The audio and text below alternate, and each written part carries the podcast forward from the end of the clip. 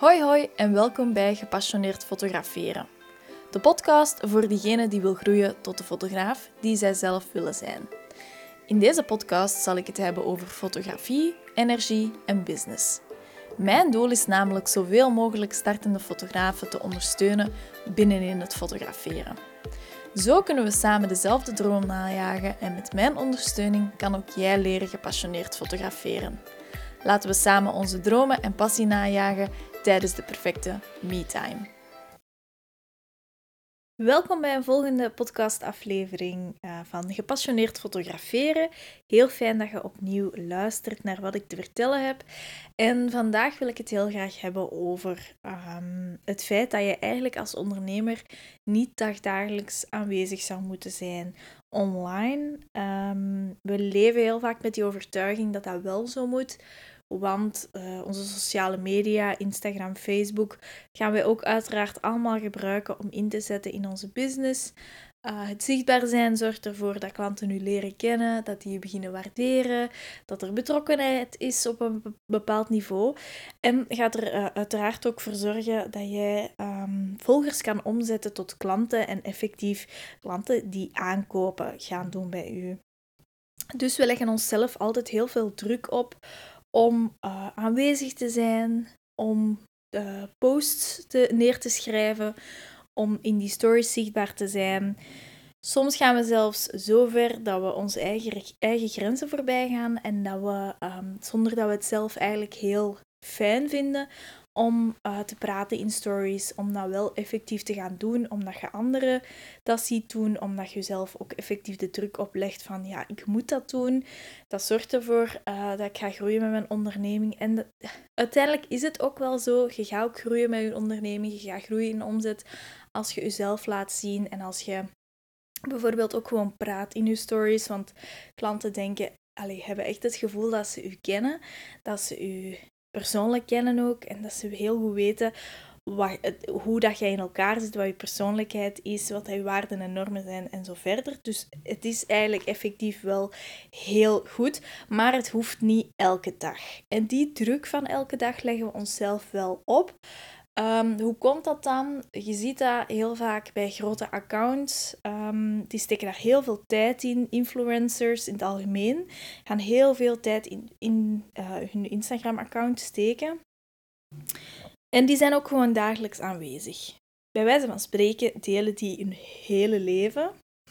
En ik wil deze podcastaflevering eigenlijk opnemen en delen met u, zodanig dat jij weet dat dat niet nodig is. Je hoeft niet heel je leven erop te zetten. Ik heb ook ehm, zaken die ik in mijn leven niet deel op Instagram. Ook al lijkt dat soms dat ik wel heel veel deel.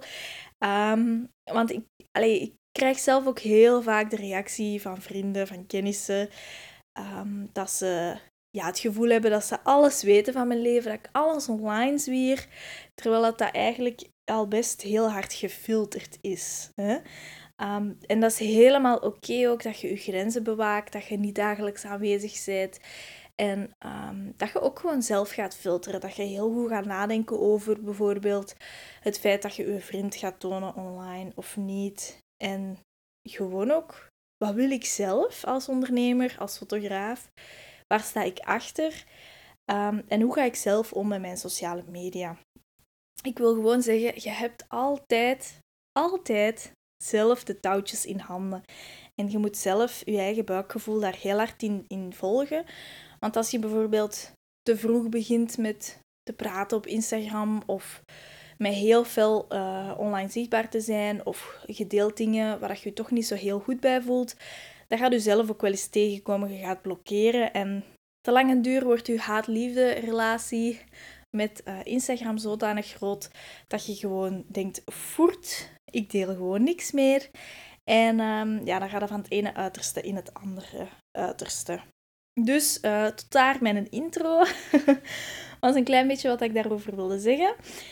Um, maar ik zou heel graag deze podcastaflevering uh, willen beginnen met uit te leggen hoe dat ik tot vorig jaar mijn Instagram profiel onder, onderhield. En um, ja, nu ook gewoon tegenwoordig. Hè? Hoe dat geëvolueerd is, hoe dat veranderd is.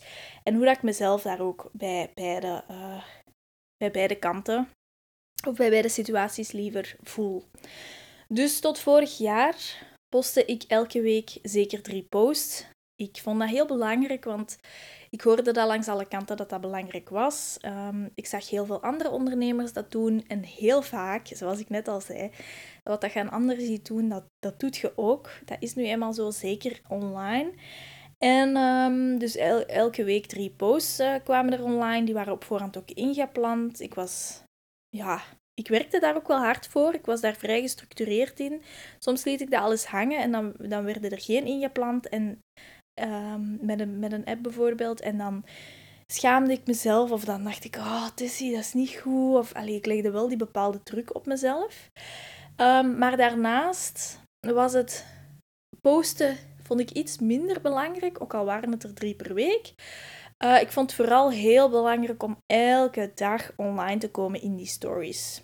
Elke dag online te komen op Instagram, te uh, connecteren met anderen, te praten met anderen, ook gewoon te reageren op andere stories. Zo echt dat, dat aanwezig zijn in die story heb ik een jaar of anderhalf jaar of twee jaar zelfs. Ik heb dat heel lang volgehouden om dat elke, elke, elke dag te doen. Als ik daar nu naar terugkijk, dan weet ik gewoon dat dat ontzettend vermoeiend is. Het is ook een periode geweest dat ik helemaal niet op vakantie ging. Dus dat dat ook niet zo echt van toepassing was om um, om bijvoorbeeld zaken die ik niet wilde delen, privé of zo, niet te tonen. Nee, nee, alles werd gewoon, alleen niet, niet effectief alles, hè, maar heel veel werd gewoon gedeeld op Instagram, waar ik mee bezig was, waar ik mee struggelde, wie dat ik was in het algemeen, wie dat ik tegenkwam in mijn leven. Gewoon echt heel, heel veel. En ik kan u zeggen, mijn haat-liefde relatie met Instagram was heel groot. Dat is ook het eerste wat ik zei tegen mijn coach Tessa toen dat we aan het, spreken, het waren over ehm, online zichtbaarheid. Instagram was voor mij heel, heel, heel vermoeiend. Dan nam heel veel energie in beslag. En het waren, zoals ik al zei, niet gewoon die drie posts per week dat ik wou posten, maar gewoon constant aanwezig zijn. Veel gewoon zeveren tussendoor, want als je heel eerlijk bent, als je altijd aanwezig bent of je doet drie posts per week, hoe kwalitatief is uw aanwezigheid dan? Is, staat uw aanwezigheid dan werkelijk in functie van uw ideale klant? Of is dat gewoon effectief uw imago dat aan het spreken is? Uw imago dat, um, dat online komt en dat wilt showen met hetgeen wat je gedaan hebt die dag. Allee, ik ben maar aan het, ben maar aan het nadenken. Hè?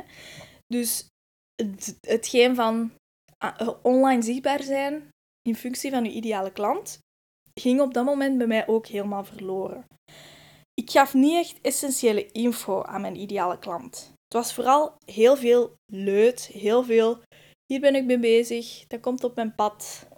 Soms ook gewoon even zagen, wat oké is. Ehm, maar dat was ook niet hetgeen wat ik wilde doen. Ik voelde mij daar helemaal niet zo super goed bij. Um, ja, ik vond dat heel, een heel moeilijke periode eigenlijk toen ook. hoewel ze best lang geduurd heeft en hoewel ik het echt best lang volgehouden heb. Uh, ik verschiet er nog altijd van. Maar zwart. Nu, waar dat je bezig mee bent in het dagelijkse leven, mag sowieso op Instagram komen. Hè. Dat zeg ik niet met wat ik nu aan het zeggen ben. Ik ben echt gewoon mijn eigen ervaring aan het delen, hoe dat ik, hoe dat ik het zelf ondervond om drie posts per week te schrijven en elke dag online te tonen je dagelijkse leven laten zien aan mensen is echt wel oké. Dat is positief. Uw klanten of volgers liever leren u kennen. Leren u ook op een andere manier kennen. Ontdekken ook gewoon dat jij ook maar een mens bent. Ook al heb je heel veel volgers. Of ook al laat je je expertstatus heel hard spreken op Instagram. Toch maakt het ons op een bepaalde manier menselijk. En die menselijkheid zorgt voor connectie. Um, of de kwetsbaarheid op zich ook. wanneer dat je je struggles deelt op sociale media of waar, dat, waar dat je mee inzet, dat maakt ons menselijk en dat zorgt voor verbondenheid. Maar um, ik vond dat niet fijn, sowieso niet. Het was mega vermoeiend en het zorgde er ook wel voor dat uh, mijn inspiratie heel vaak zoek was. Oh, ik weet dat heel goed Uh, ik probeerde dan te werken met contentplanners, uh, met contentpijlers ook. En allee, wacht, het is maandag, ik ga drie posts schrijven en wat ga ik nu weer schrijven? En elke maandag voormiddag was ik daar dan aan het schrijven. En dan ben je eigenlijk een hele voormiddag bezet met drie posts neer te schrijven. En dan op het einde van die namiddag denk je echt, oké, was het dit waard? Zijn de posts zelfs kwalitatief genoeg om te tonen? En ja, het was echt gewoon, zoals ik net al zei, een hele grote haat-liefde relatie dat ik had met Instagram. En ik, ik denk echt heel hard ook dat jij je ook heel hard gaat uh, herkennen in deze verhaal. Um, tenzij dat je zoiets hebt van, oh, Instagram, ik trek me dat iets minder aan. Goed zo. Um, maar er zijn wel heel veel ondernemers en fotografen in het algemeen die zich wel hierin herkennen. En dat komt ook gewoon ja, omdat we dat zien bij anderen. We leggen onszelf die druk op. We vinden dat heel belangrijk en ja, noem maar op. Dus vandaar. Nu, um, zoals ik al zei, een half jaar geleden heb ik dan uh, mijn strategie aangepast. Sindsdien post ik nog maar één keer per week. Ik heb dat hier al wel eens uh, laten vallen in een andere aflevering. Dus dat is echt van drie posts naar één keer geweest, uh, gegaan. En um, ik ben ook niet elke dag meer aanwezig in mijn stories. En ik probeer mijn stories iets kwalitatiever te maken. Dus werkelijk essentiële info te tonen. Um, iets waar je iets mee bent. Of gewoon ook te vertellen waar ik mee bezig ben in mijn leven. Um, kwetsbaarheid tonen kan nog steeds uiteraard. Want zoals ik al zei, dat zorgt wel voor die connectie. Dus dat is helemaal oké. Um, maar in het, over het algemeen post ik minder of laat ik mezelf minder zien. Maar het is wel meer uitgebreid. Het bevat meer info, het is meer uitgediept. En het is gewoon echt meer waardevolle informatie die dat ik toon. Je zou dat een beetje kunnen vergelijken met het feit dat er drie posts vroeger gepost werden. Dat die alle drie een klein beetje informatie bevatten. En nu wordt dat gewoon één lange post waarin dat je uh, echt iets mee bent waarin dat ik een tip meegeef of iets op vlak van gebied van mindset, waar ik zelf mee gestruggeld heb en een aantal um, adviezen of noem maar op. Het is gewoon echt minder oppervlakkig, ik zal het zo noemen. Het zorgt er gewoon voor dat het echt meer waardevol is om die posts te gaan lezen voor mijn volgers en dus ook echt voor mijn ideale klanten. Um, het is heel belangrijk wanneer dat je een Instagram-post schrijft dat je ideale klant centraal staat dat je echt aan het schrijven bent voor die ideale klant. En dat het nieuw ego is dat spreekt. Dat het niet gewoon is van oké, ik vertoon macho gedrag en ik laat hier zien wat ik kan. Nee, je ideale klant moet centraal staan. Daartegen moet je gaan praten. En um, dat lukte ook veel, veel beter. Dat lukt nu veel beter met die één post per week. Dus dat is sowieso heel goed. Mijn ideale klant voelt zich aangesproken tot mijn content.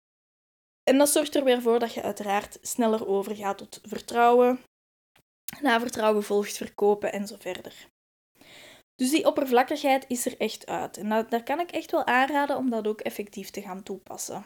Dat is wel heel fijn ook voor jezelf. Uh, het zorgt gewoon ervoor dat je, dat je programma in het algemeen rustiger is.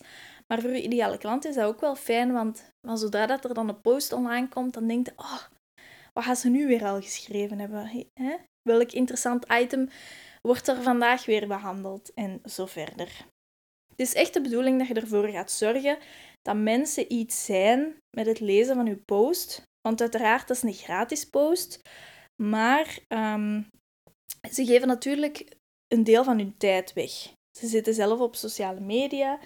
Daar uh, op sociale media bent je op zoek naar ontspanning.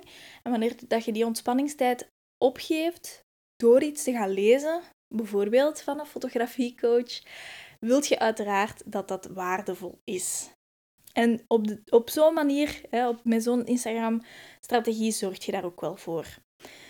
Het zorgt ervoor dat, dat de, de volgers geïnspireerd geraken en ook effectief aan de slag kunnen gaan met de informatie die ze verkrijgen.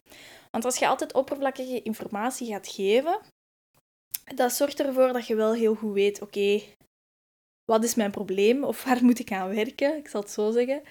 Ehm, maar ja, hoe doe je dat dan en hoe gaat het daarmee om?